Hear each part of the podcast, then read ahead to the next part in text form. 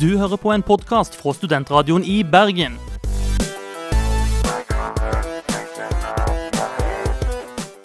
Denne og mange andre flotte podkaster finner du på podkast.srib.no.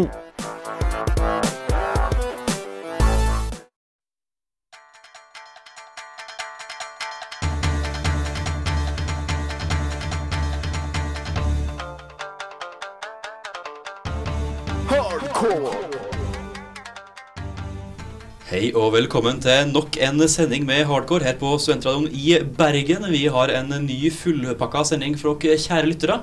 Det har vi. Eh, Vi skal selvfølgelig innom eh, Tokyo Gameshow, eh, som har gått for, seg i Tokyo, ikke overraskende. Ja, og vi skal også se på Spiderman Shattered Dimensions. Og selvfølgelig, eh, vi skal innom eh, Move, det her nye bevegelsessensitive kontrollerne til PlayStation 3. Og sist, men ikke minst, så skal vi også snakke litt om Halo Reach denne uka her. Og den gangen her blir det snakk om, eh, om multiplayeren, og det blir mye ymse, som det alltid er når det er hardcore-sending. Ja, det blir det. Vi begynner sendinga med en skikkelig god låt. Det er da Brass Roots med låta Good Life. It's time to kick ass and chew bubble gum. And I'm all out of gum. Hvis du lurer på hvem som er her i Hardcore Studio i dag, så er det meg, Johan Lavrans Greif. Meg, Tormod Husebø. Og jeg er Vegard Flobakk. Ja, eh, og sammen så er vi altså hardcore i dag. eh, Og vi begynner med konkurransen vår, som vi fortsatt har eh, gående. Eh, Hardcore fyller jo fem eh, år nå denne høsten, og i den forbindelse har vi vår største konkurranse noensinne. Ja, det føler jeg vi liker å si. Vi har jo fått, opp, eh, fått tilsendt masse spill fra utgiverne. Dem skal vi dele videre ut til våre kjære lyttere. Og hva er det vi har å by på? Blant annet så har vi Blur med Red Dead Redemption, som veldig mange må spille, for det var utrolig kjekt. Vi har Sniper Ghost Warrior, som var veldig middelmådig, dessverre. Eh, ikke, ikke engang det. Det var ganske skuffende, egentlig. En kjedelig, lite innovativ ah, okay, Vi skal ikke ødelegge spillene de gir bort. Det er veldig bra. veldig, veldig bra. Ja, så har vi også Alpha Protocol, eh, som heller ikke fikk sånn kjempeanmeldelse. Nei nei. Nei da. vi- Marius hele programmet likte det veldig godt, og det har fått veldig blanda. Mange liker det, noen var ikke så glad i det. Eh, Darksiders eh, gir vi også bort, og No More Heroes 2, for å nevne noen eksempler. Det er mye mye mer vi også gir bort ved siden av alt det her. Og hva er det man må gjøre for å få det her?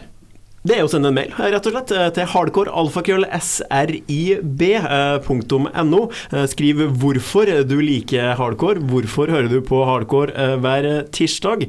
Husk å få med hvilken konsoll du har, og navn og adresse, sånn at vi får sendt deg spillet. Og det er gode muligheter for å stikke av noe, for vi har som regel vi har hatt lignende konkurranser før, og som regel har vi flere spill vi skal gi bort enn vi har folk som har lyst på spill. Så er du glad i spill, og det er du vel gjerne når du hører på hardcore, og du har lyst på gratis spill, og det har vel egentlig de aller, aller fleste lyst på, så send oss en mail, så får du noe fint i posten tilbake om ikke så altfor lenge, skal jeg nok kunne neste gang garantere. Hei, dere to som står bortpå der, kan dere hjelpe meg med noe? Jeg lurer på, hvordan var det med krig igjen? War. War never changes. Skjønner. Er du enig du, da? War has changed. Å, er det sånn det ligger an? Takk for informasjon.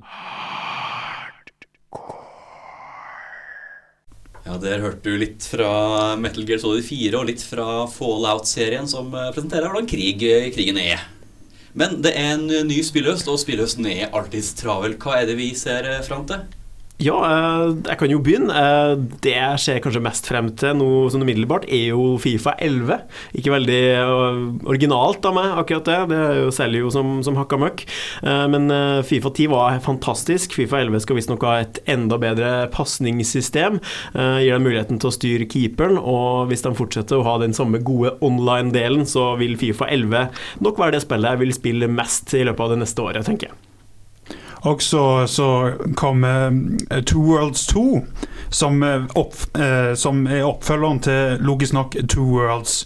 Eh, var jo selvfølgelig litt rar navngivning med Two Worlds 2, men uh, Iallfall så er det en slags Oblivion-klone, bare at uh, litt mer tredjepersonsaktig. Uh, originalen fikk egentlig ikke så gode kritikker, på grunn av, mye pga. at, uh, at eh, voice-actinga var sånn halvbad, og questene var veldig mye fetch quest uh, som du ikke forventer i den slags type spill, var veldig World of Warcraft-aktig. Eh, så jeg så nettopp faktisk eh, på en preview av den, og den så, det så utrolig lovende ut. Um, Gothic 3 fikk jo egentlig aldri en verdig sequel. Det fikk en sequel som kalles for Ryzen, som kom først på PC og så på 360. Uh, som heller likevel ikke fikk så god kritikk. Så Gothic 4, eller Arcadia, eller Arcania, uh, gleder jeg meg veldig til. Selv om combat-systemet ser ut til å bli veldig dumma ned. Eh, det er tydeligvis at det ikke går for hardcore Gothic-audiensen som har vært der helt siden det første spillet i 2002. For min egen del så var det siden jeg gleder meg til ett rollespill. Jeg òg. Jeg gleder meg til eh, Det kommer masse rollespill i høst. Masse store rollespilltitler, egentlig. Men det jeg har sett meg ut, er Fallout New Vegas. Jeg elska første Fallout. Det var så moro. Eller altså første Fallout, Fallout 3, mener jeg med det.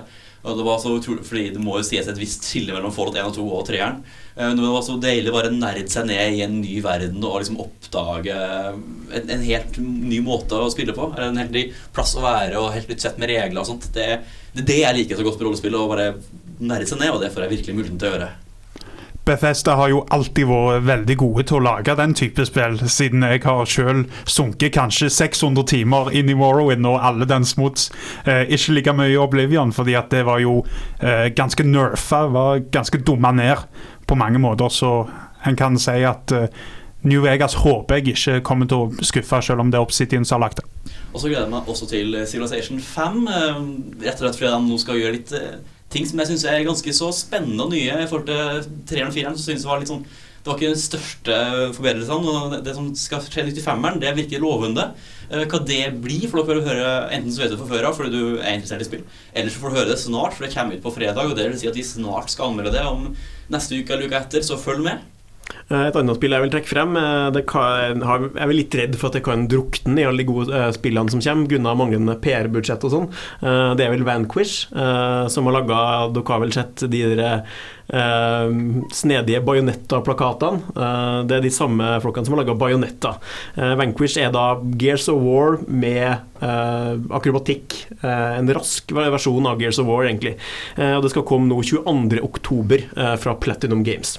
Eh, hvordan gir akrobatikken utslag? Hvordan er det akrobatikken fungerer i Vanquish?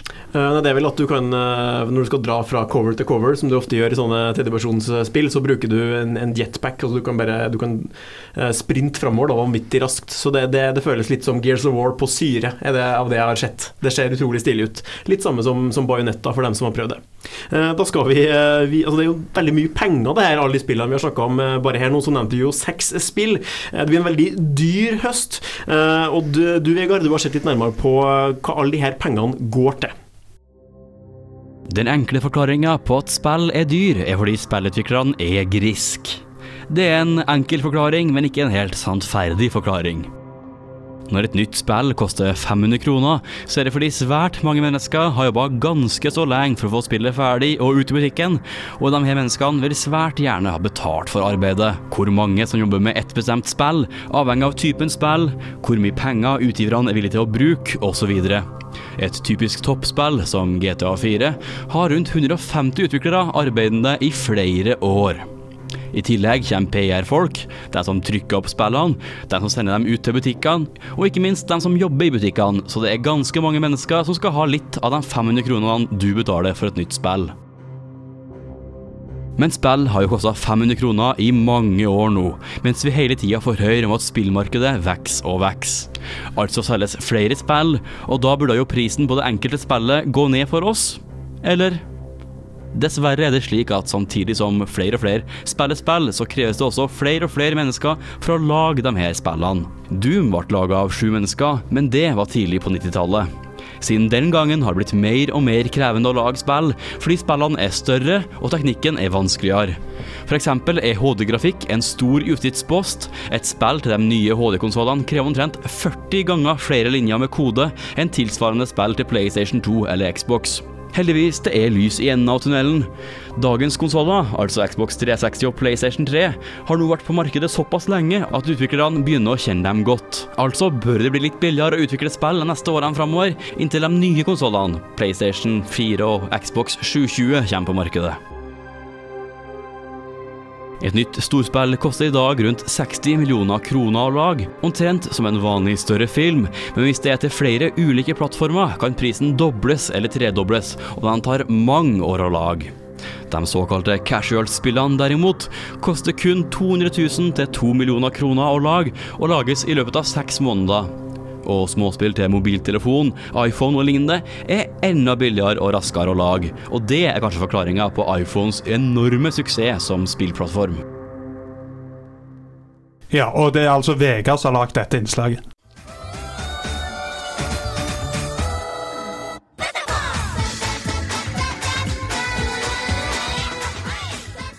Hvis noe er rart og japansk, da finner du det i hardcore.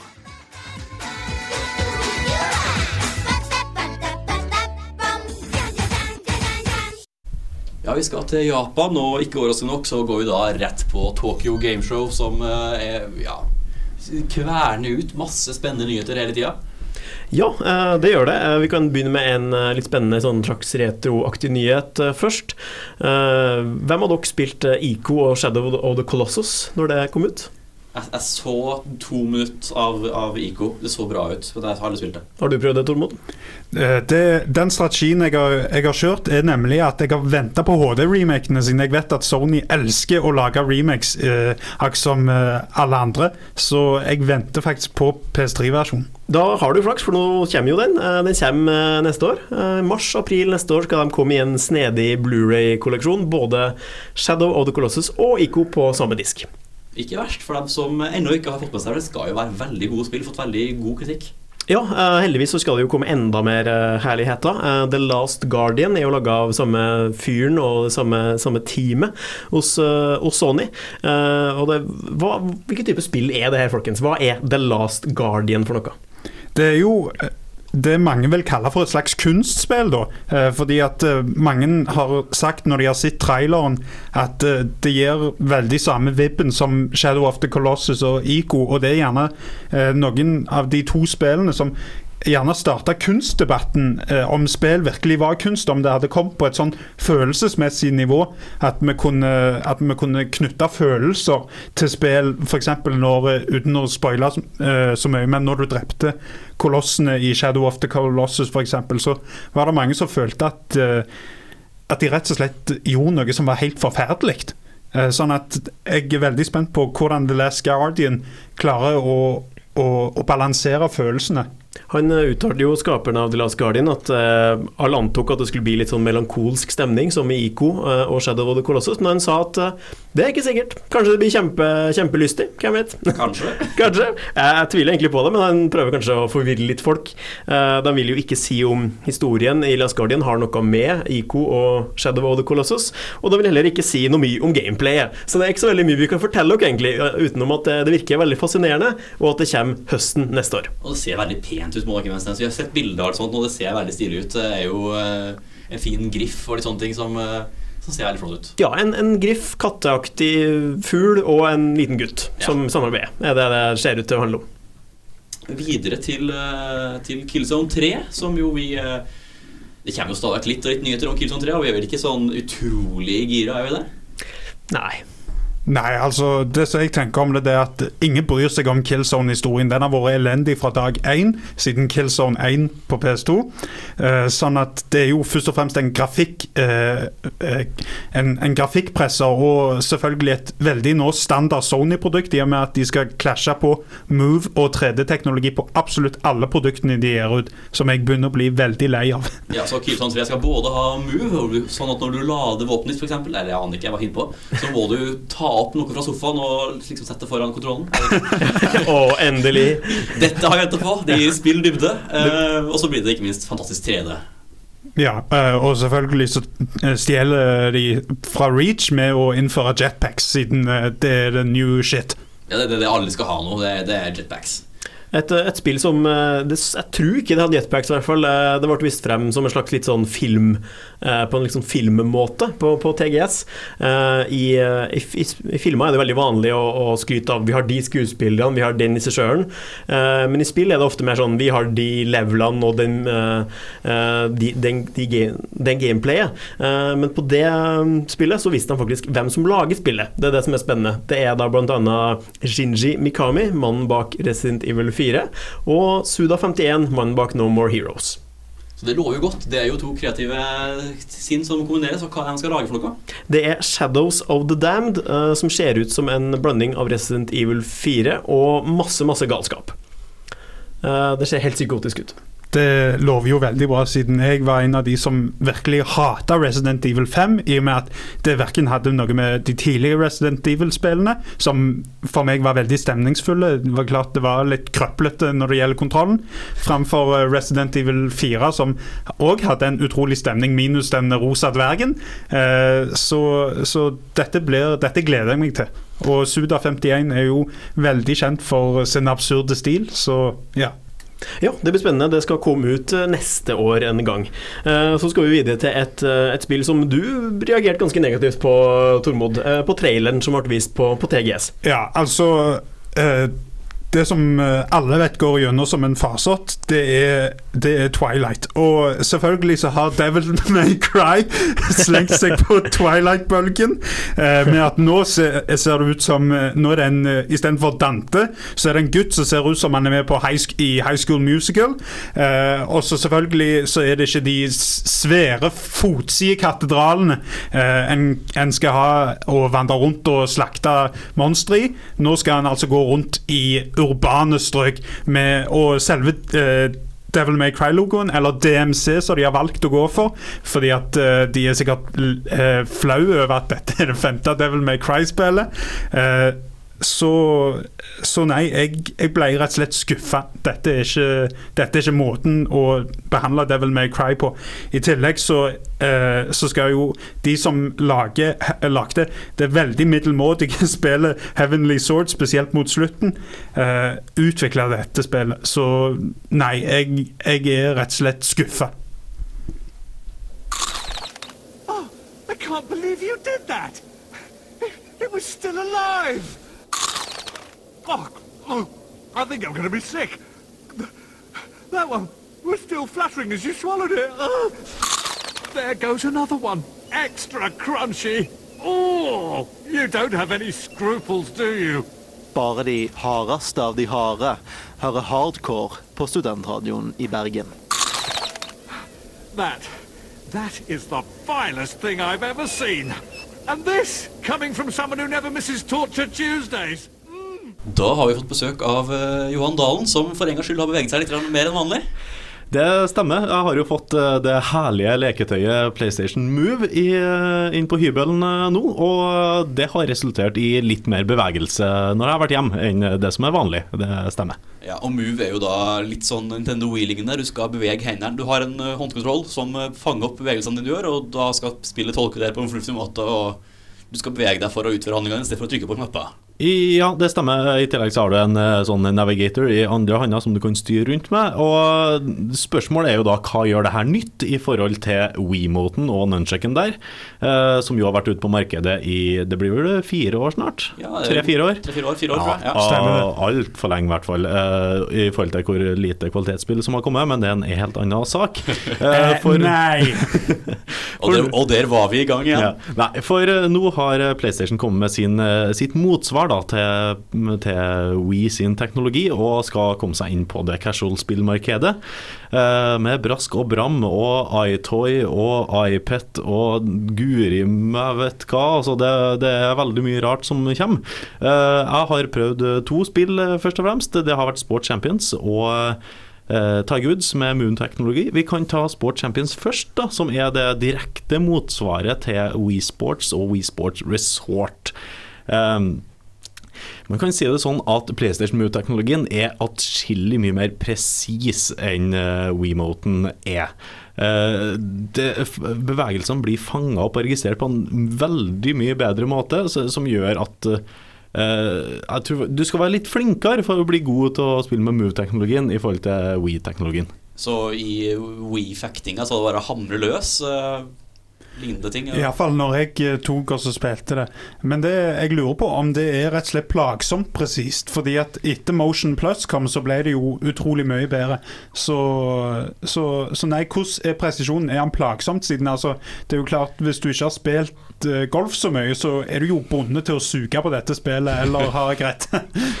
Nei, plagsomt presist, det vil jeg ikke si, men jeg fikk meg nok en liten, eh, liten oppvekker eh, på eh, Hvis vi går over til Tiger Woods, da. At det- ble en god del fading, for å bruke golfspråket. Det ble en del slag som gikk rett vest i, i bunkersene på St. Andrews-banen. Det gjorde det ikke når jeg brukte kontrollen, men Eh, plagsomt presist, det blir det aldri. For de har, du, du kalibrerer kontrollen en god del for å få justere i forhold til kamera, at sånt bevegelsene faktisk skal sitte ordentlig. Eh, de må gjøre det på en veldig god måte, da, så, så teknologien i seg sjøl er ikke plagsom nøyaktig. Men jeg ser heller ikke de store mulighetene i forhold til spillopplevelser. Hva nytt kan det her gi oss som we ikke allerede har gitt? For det er jo veldig begrensa med spill som har kommet som har utnytta den teknologien godt. Nå kommer det noe som er litt mer presist, ja, men hvilke muligheter gir det oss? Jeg ser veldig få muligheter med det. Så du syns dette rett og slett bare blir ren gimmick, og det, det kommer ikke til å tilføre spillverden noe nytt? Nei, så vi må jo se litt da hva som kommer, men foreløpig, med de spillene jeg har prøvd, så tilfører det veldig lite. Det er fortsatt veldig begrensa hva du faktisk kan gjøre med det. Ja, du kan peke og Uh, Nå kommer jo Resident Evil med move-støtte. Uh, Heavy Rain, ja, endelig kan jeg legge maskara på en litt dum, dummere måte enn jeg gjorde det før, med kontrollen. Det, det er veldig begrensa hva du faktisk kan gjøre med denne teknologien. Det er, har vært for We masse, masse ræva spill som har kommet.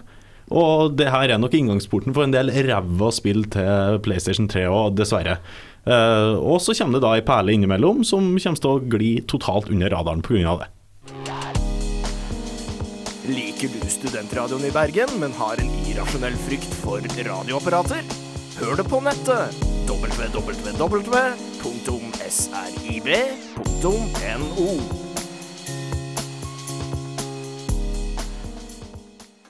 Vi er ikke helt ferdig med Tokyo Gameshow ennå. Som sagt så er det jo en eh, fin mølle som produserer masse spennende spillnyheter. Og nå skal vi over til Project Drucko.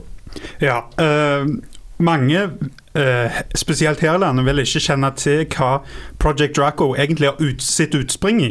Eh, for lenge siden, så, for en, eh, en, på en vakker dag for lenge siden, så kommer det nemlig en konsoll som het Sega Saturn til eh, Europa. eh, Så vidt, iallfall. Og da kom, da kommer det ut et veldig vakkert og i ettertid utrolig eh, kjekt og kult spill som het eh, Panzer Dragoon Saga. Som var et eh, JRPG eh, blanda med litt Final Fantasy. Blanda med eh, rett og slett at du eh, eh, eh, flytter rundt på drager. Og dette har nå fått sin spiritual successor i Project Draco.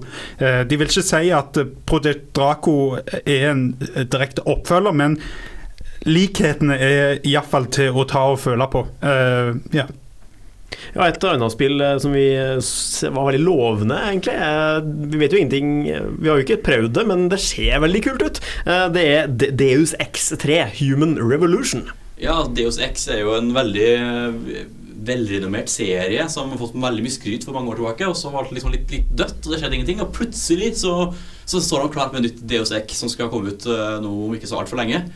Og vi så en trailer, og det så jo rimelig kult ut. Ja, eh, jeg vet ikke, For min del syns jeg det virka litt, litt om, Matrix, eh, Blade Runner. Er dere enig? Den typen uh, filmer? Definitivt så, så kunne en se likhetene. Eh, Det som jeg syns var ganske kult, det var at det ikke bare var gun combat, det var òg mye kniver og den slags. Og eh, for oss som spilte det originale Deus Ex, så var det ganske veldig oppfinnsomme våpen i dette spillet. Eh, så jeg håper nemlig at det kommer videre, og at selvfølgelig RPG-systemet vil, vil være skikkelig gjennomført, sånn som det var i originalen. Ja. Bare for å forklare hva vi faktisk så i taleren, hvis du ikke føler for å gå og se den selv, men det bør du gjøre. Det var en sånn fremtidsverden, eh, mye veldig sånn stor by eh, i masse, masse nivåer, og masse politi som driver og slåss med en eller annen fyr, og det er mye blod og mye gørr og mye action. Men det skal da være et førstepersonsskytespill, skal det ikke det? Jo, det skal det, og det skal jo legge veldig mye vekt på, på egne valg og sånn også. Du skal kunne kontrollere verden, eller de valgene dine skal ha stor betydning. Men i videoen så så vi jo ingenting av hvordan spillet faktisk ser ut. Det vi så, var cutscenes, og som jo ser jævlig tøft ut, men det sier jo ofte veldig lite om hvordan det sjøle spillet faktisk blir. Så eh, vi får vente og se, tenker jeg. Ja, uh, teasers er aldri noe godt utgangspunkt uh, i å snakke om gameplayet, så uh, jeg gleder meg iallfall veldig mye. Vi kunne jo legge til som en liten sideting at han som laga det første Deus Ex, Warren Spector, er jo snart ut med Epic Mickey til Nintendo Wii. Det kommer vel neste måned, faktisk. Ja, og det har jeg tenkt å spille sunt, fordi jeg elsker Jeg er et, jeg er et, jeg er et barn i en stor kropp, og jeg elsker Disney. Jeg elsker alt som, er, som minner meg om barndommen, så det gleder vi oss òg veldig til. Et, et, spill jeg ikke håper ikke minner deg om barndommen din, er Catherine. Eh, som er et veldig veldig sært eh, japansk spill som vi må nevne på helt til slutt her. Det er jo Japan, så da må vi nevne sære ting. Ja, det, det var veldig rart. Det begynte jo ganske standard med sånn japansk anime-stil, selvskjeda grafikk. Det så sånn for så vidt pent ut til å være den stilen, men ikke veldig spennende. Men så ble det ganske rart. Ja, altså For alle som har spilt Persona-spillene, så vet vi jo at det er alltid mange overraskelser som ligger på lur. Spesielt når de fleste Persona-spillene er godt over 60 timer med JRPG goodness. Uh, og, og, Catherine virker som et slags surrealistisk uh, survival horror-spill. som som, som, virker veldig, veldig erketypisk japansk, vil jeg si. som Der du er Hovedpersonen er en mann som tydeligvis har masse sex. eh, Og har masse eller tenker mye på det, jeg var ikke helt sikker. Det var, det var en del sånn klipp av pupper og litt sånne ting. Og så var det noen demoner inni der og et steg, sted. Ja. Ja, det er jo veldig typisk Shin Megami Tensei-lisensen å ha med demoner i alt. Eh, Så, så nei. Ja, det kanskje mest skremmende jeg så der, var den der hybrid-baby-baby-robot-krabbe-tingen du så krabbe mot deg. Den, den, den var skummel, altså. Men eh, jeg spørs om spillet kommer til Europa, for det er jo typisk at sånne spill eh, ikke blir eh, sendt videre enn til japansk markedet. Ja, men det er jo klart når Atlas gir det ut, så er det veldig stor eh, sjanse for at det nemlig kommer til Europa og USA. Så det er ikke noen grunn til å grine ennå, i hvert fall. Is a man not? No, says the man in Washington, it belongs to the poor. No, says the man in the Vatican, it belongs to God. No, says the man in Moscow, it belongs to everyone. I rejected those answers. Instead, I chose something different.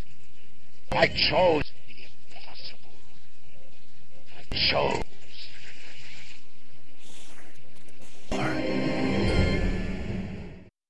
Vi skal videre til uh, Spiderman. Uh, Spiderman Shattered Dimensions uh, skal vi snakke mer om. Og skal jeg gjette helt vilt, så er det et uh, typisk Spiderman-spill hvor du svinger deg fra skyskraper til skyskraper i New York. Ikke faen, det er ikke dette spillet i det hele tatt. Uh, Spiderman uh, Shattered Dimensions uh, er en slags uh, splittelse av Spiderman på mange vis. Uh, jeg vet ikke om du spilte Spiderman 2. Uh, gjorde du det, Johan? Eh, ja, så vidt der var det jo mye svinging mellom bygninger og litt sånn GTA-aktig. Ja, eh, da kommer du til å hate dette spillet. Fordi at det, det, det gjør eh, For min del så gjør det egentlig ikke noe annet enn å skuffe. Eh, fordi at det siste vi så til Spiderman, uh, var bl.a. Friend or Foe, som var helt elendig. Så kom Web of Shadows, som, eh, som var enda verre. Og så nå får vi dette her, som er ikke helt der ennå. Eh, selve eh, Shatter Dimensions tar eh, utgangspunkt i at, eh, at, at Spiderman foretar en slags reise i sin egen sjel.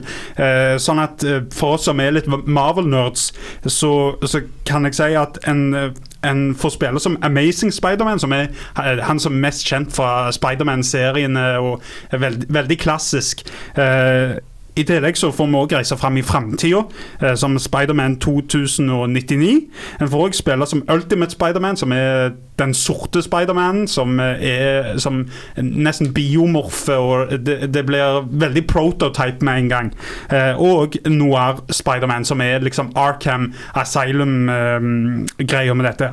Og selve spillet virker veldig PlayStation 2-aktig, i og med at bossene først og fremst er, er, er, er veldig gimmicky. Altså at istedenfor å ha bossfight sånn som i God of War, eh, der du skal gjøre forskjellige ting, du skal klatre rundt, så, så så gjør du ikke det her. Her er bare timing om å gjøre sånn at hele spillet er til tider veldig frustrerende og prøver å stjele fra andre spill, f.eks. Arkham Asylum. Men, men de, eh, For min del så, så, så ser jeg noen lysglimt her og der, men det skuffer rett og slett. Men, men er det åpen verden? For det var jo Spiderman 2. Eller er det mer sånn som Arkham, at det er mer lost? Altså du har en linær uh, vei fremover? Det er mission-based. Uh, du, du, uh, du rett og slett velger hvem du vil være. og så er det selvfølgelig mission som passer til den. Sånn at er, det, er, det er fryktelig linært, men du kan stort sett velge mellom fire missions som du må gjøre alle fire for å fortsette til de neste. Er det noen du vil anbefale det her spillet til i det hele tatt, eller er det bare å styre fryktelig langt unna det? Vel, eh, altså, altså Det er ikke så mange gode referanser til comicsene, syns jeg. Jeg, fun, jeg, føler at det blir veldig lite comicy og veldig gamey. Eh, altså Uh, spillet blir veldig spelaktig. Du er veldig Du, du blir veldig uh, Det blir støffa nedover ørene dine at du faktisk spiller et spill. Det virker veldig unaturlig for et comic-based spill, så, så, nei. Rett og slett uh, beklage. Beklager, Spiderman. Denne her gangen klarte du det ikke.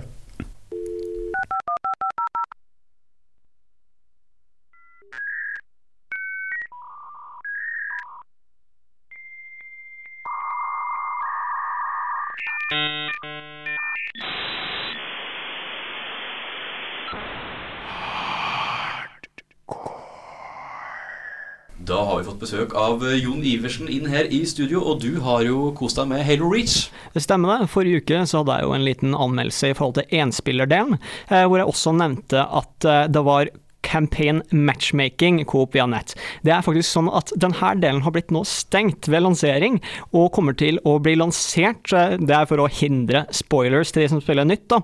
Men det kommer i første uke i oktober eller andre uke helt tidlig der, har Bungie bekrefta. Så den delen av online matchmakingen kommer, men det jeg har lyst til å snakke om i dag, er jo hovedsakelig det du har allerede nå. Der har du jo vanlig multiplayer matchmaking, og du har firefights. Bungie er jo kjent for å endre på spillelistene sine, så jeg vil si at de spillelistene som er nå, er gamle moduser eh, som alle kjenner fra før, pluss noe nytt som heter Invasion. Invasion er en klassisk hva skal jeg si, angripende lag mot forsvarende lag, hvor du har punkter det angripende lag skal ta, eh, hakk for hakk, eh, og så til de skubbes opp i et hjørne og skal forsvare det siste punktet. Og Det her fungerer fint. Det er Spartans mot Elites, og du har forskjellige såkalte loads, loadouts, som har blitt så populært i FPS-er nå til dags, hvor du faktisk eh, da velger eh, på hvilket våpen du skal starte med, eller spesialangrep. F.eks. jetpack kan du ha, du kan ha skjold, du kan ha ja, på en måte sånn medisinskjold, du kan rulle, og du kan ta og gjøre om til en steinhard ball som når ting kjører på, eksploderer bilene. Ja, vi spilte jo litt sammen uh, for, noen dager siden. og Det eneste jeg kan kritisere med det, altså det er jo den gode gamle Halo multiplayer-oppsettet. Og det er jæklig sterkt. Det funker veldig bra. Så det, egentlig det verste var vel at jeg ble veldig forvirra av de ulike klassene som ble kasta mot deg når du spilte Invasion. For etter hvert fikk de tilgang til nye klasser og nye klasser. Det ble sånn Å ja, og hva kan denne klassen gjøre? Og hva kan denne gjøre? Men det er liksom det største problemet jeg så. Det er rett og slett det er et Halo-spill som har kanskje litt læringskurver, til og med for de som har spilt tidligere Halo-spill. For den bringer en del nye ting på bordet som de fleste er ikke vant med. Og det bringer spesielt de der spesialangrepene som er i de forskjellige loadoutene du velger, gjør at du må spille på forskjellig måte taktisk. F.eks. hvis du er sniper, så vil du gå for den loadouten med Uh, cloaking som gjør deg usynlig i korte perioder. Uh, hvis du er en, altså en fyr som går rett på til angrep, så kan det være greit å være, gjøre deg om til altså, hard som stein. Uh, ja, loadouten, som gjør at hvis en tank kommer kjørende mot deg, eller en Warthog kjører mot deg, så sprenges den idet du tar ned, ja, slår ned i bakken og blir som stein. Ja, for det var jo veldig mye ulike ting som kunne gjøres. Det, det ser jo ut som det er lagt opp til at du skal være veldig mange spill online. Det ser jo ut som det kan bli steintøft når mange holder på med det her. De har jo også lagt til så at du har daglige såkalt daily challenges, som gjør at du tjener litt ekstra penger som du kan bruke til å kjøpe Altså, det her er bare kosmetiske ting til rustningen din, men som gjør at du er unik på nett. Men de daily challengene gjør at du faktisk har litt sånn småting eh, som mål den dagen når du spiller online, for å tjene litt ekstra penger eller ekstra XP.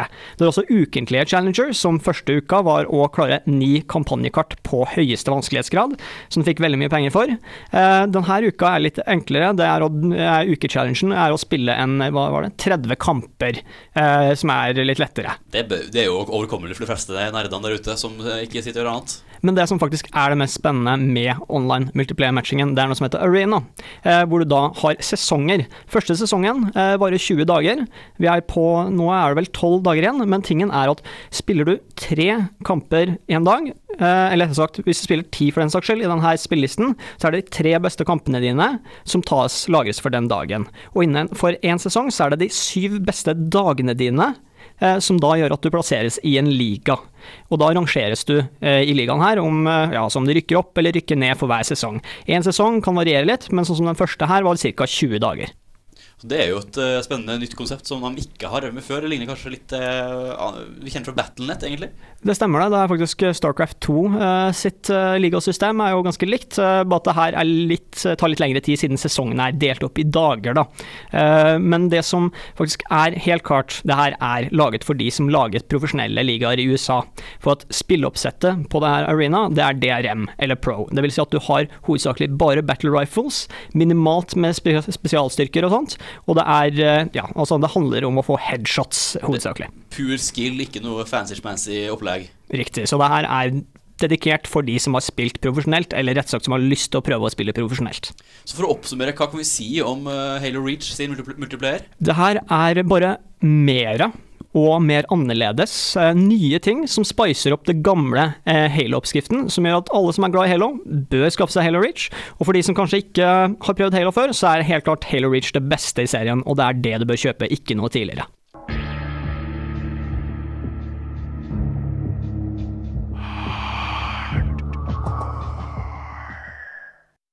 Vi har som sagt en fantastisk flott og fin og fjong konkurranse gående. Som vi har hatt gående en luka, skal ha gående en liten stund til. Vi gir bort masse flotte spill. Det gjør vi. eh, I forbindelse med vår- fem års jubileumskonkurranse så gir vi bort en hel eh, horde med spill, bl.a. Blur og Red Dead Redemption og Alpha Protocol og mye annet. Eh, Det vi lurer på da, er hvorfor hører du på hardcore? Hvorfor syns du hardcore er et bra program? Har du et svar på det, så sender du det til hardcorealfakrøll, srib.no, og husk å få med hvilken konsoll du har, og navn og adresse. Og det var egentlig alt vi hadde tid til i denne omgang. Vi kommer tilbake neste uke med enda flere spillnyheter og spillanmeldelser, som vi jo alltid gjør. Det gjenstår bare å takke dem som har vært med, og det har vært eh, Johan Dalen. Det har vært eh, Jon eh, Iversen. Det har vært Tormod Husebø. Det har vært meg, Johan Lavrans Greif. Og mitt navn er Vegard Flobakk, og så må vi også takke vår produsent Johan Dalen, som vi nevnte i stad også. Ja. Merkelig det er flere hatter gående, vet du. Vi er, vi er tilbake neste uke til akkurat samme tid, faktisk. 12 til 1 hver tirsdag her på Studentradioen i Bergen. Forhåpentligvis ikke bitt av move-basillen. Hardcore fikk du i samarbeid med GameStop og Gamerskate.com Hardcore!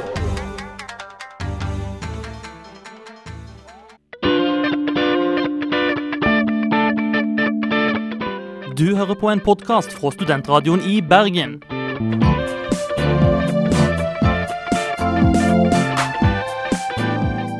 Denne og mange andre flotte podkaster finner du på podkast.srib.no.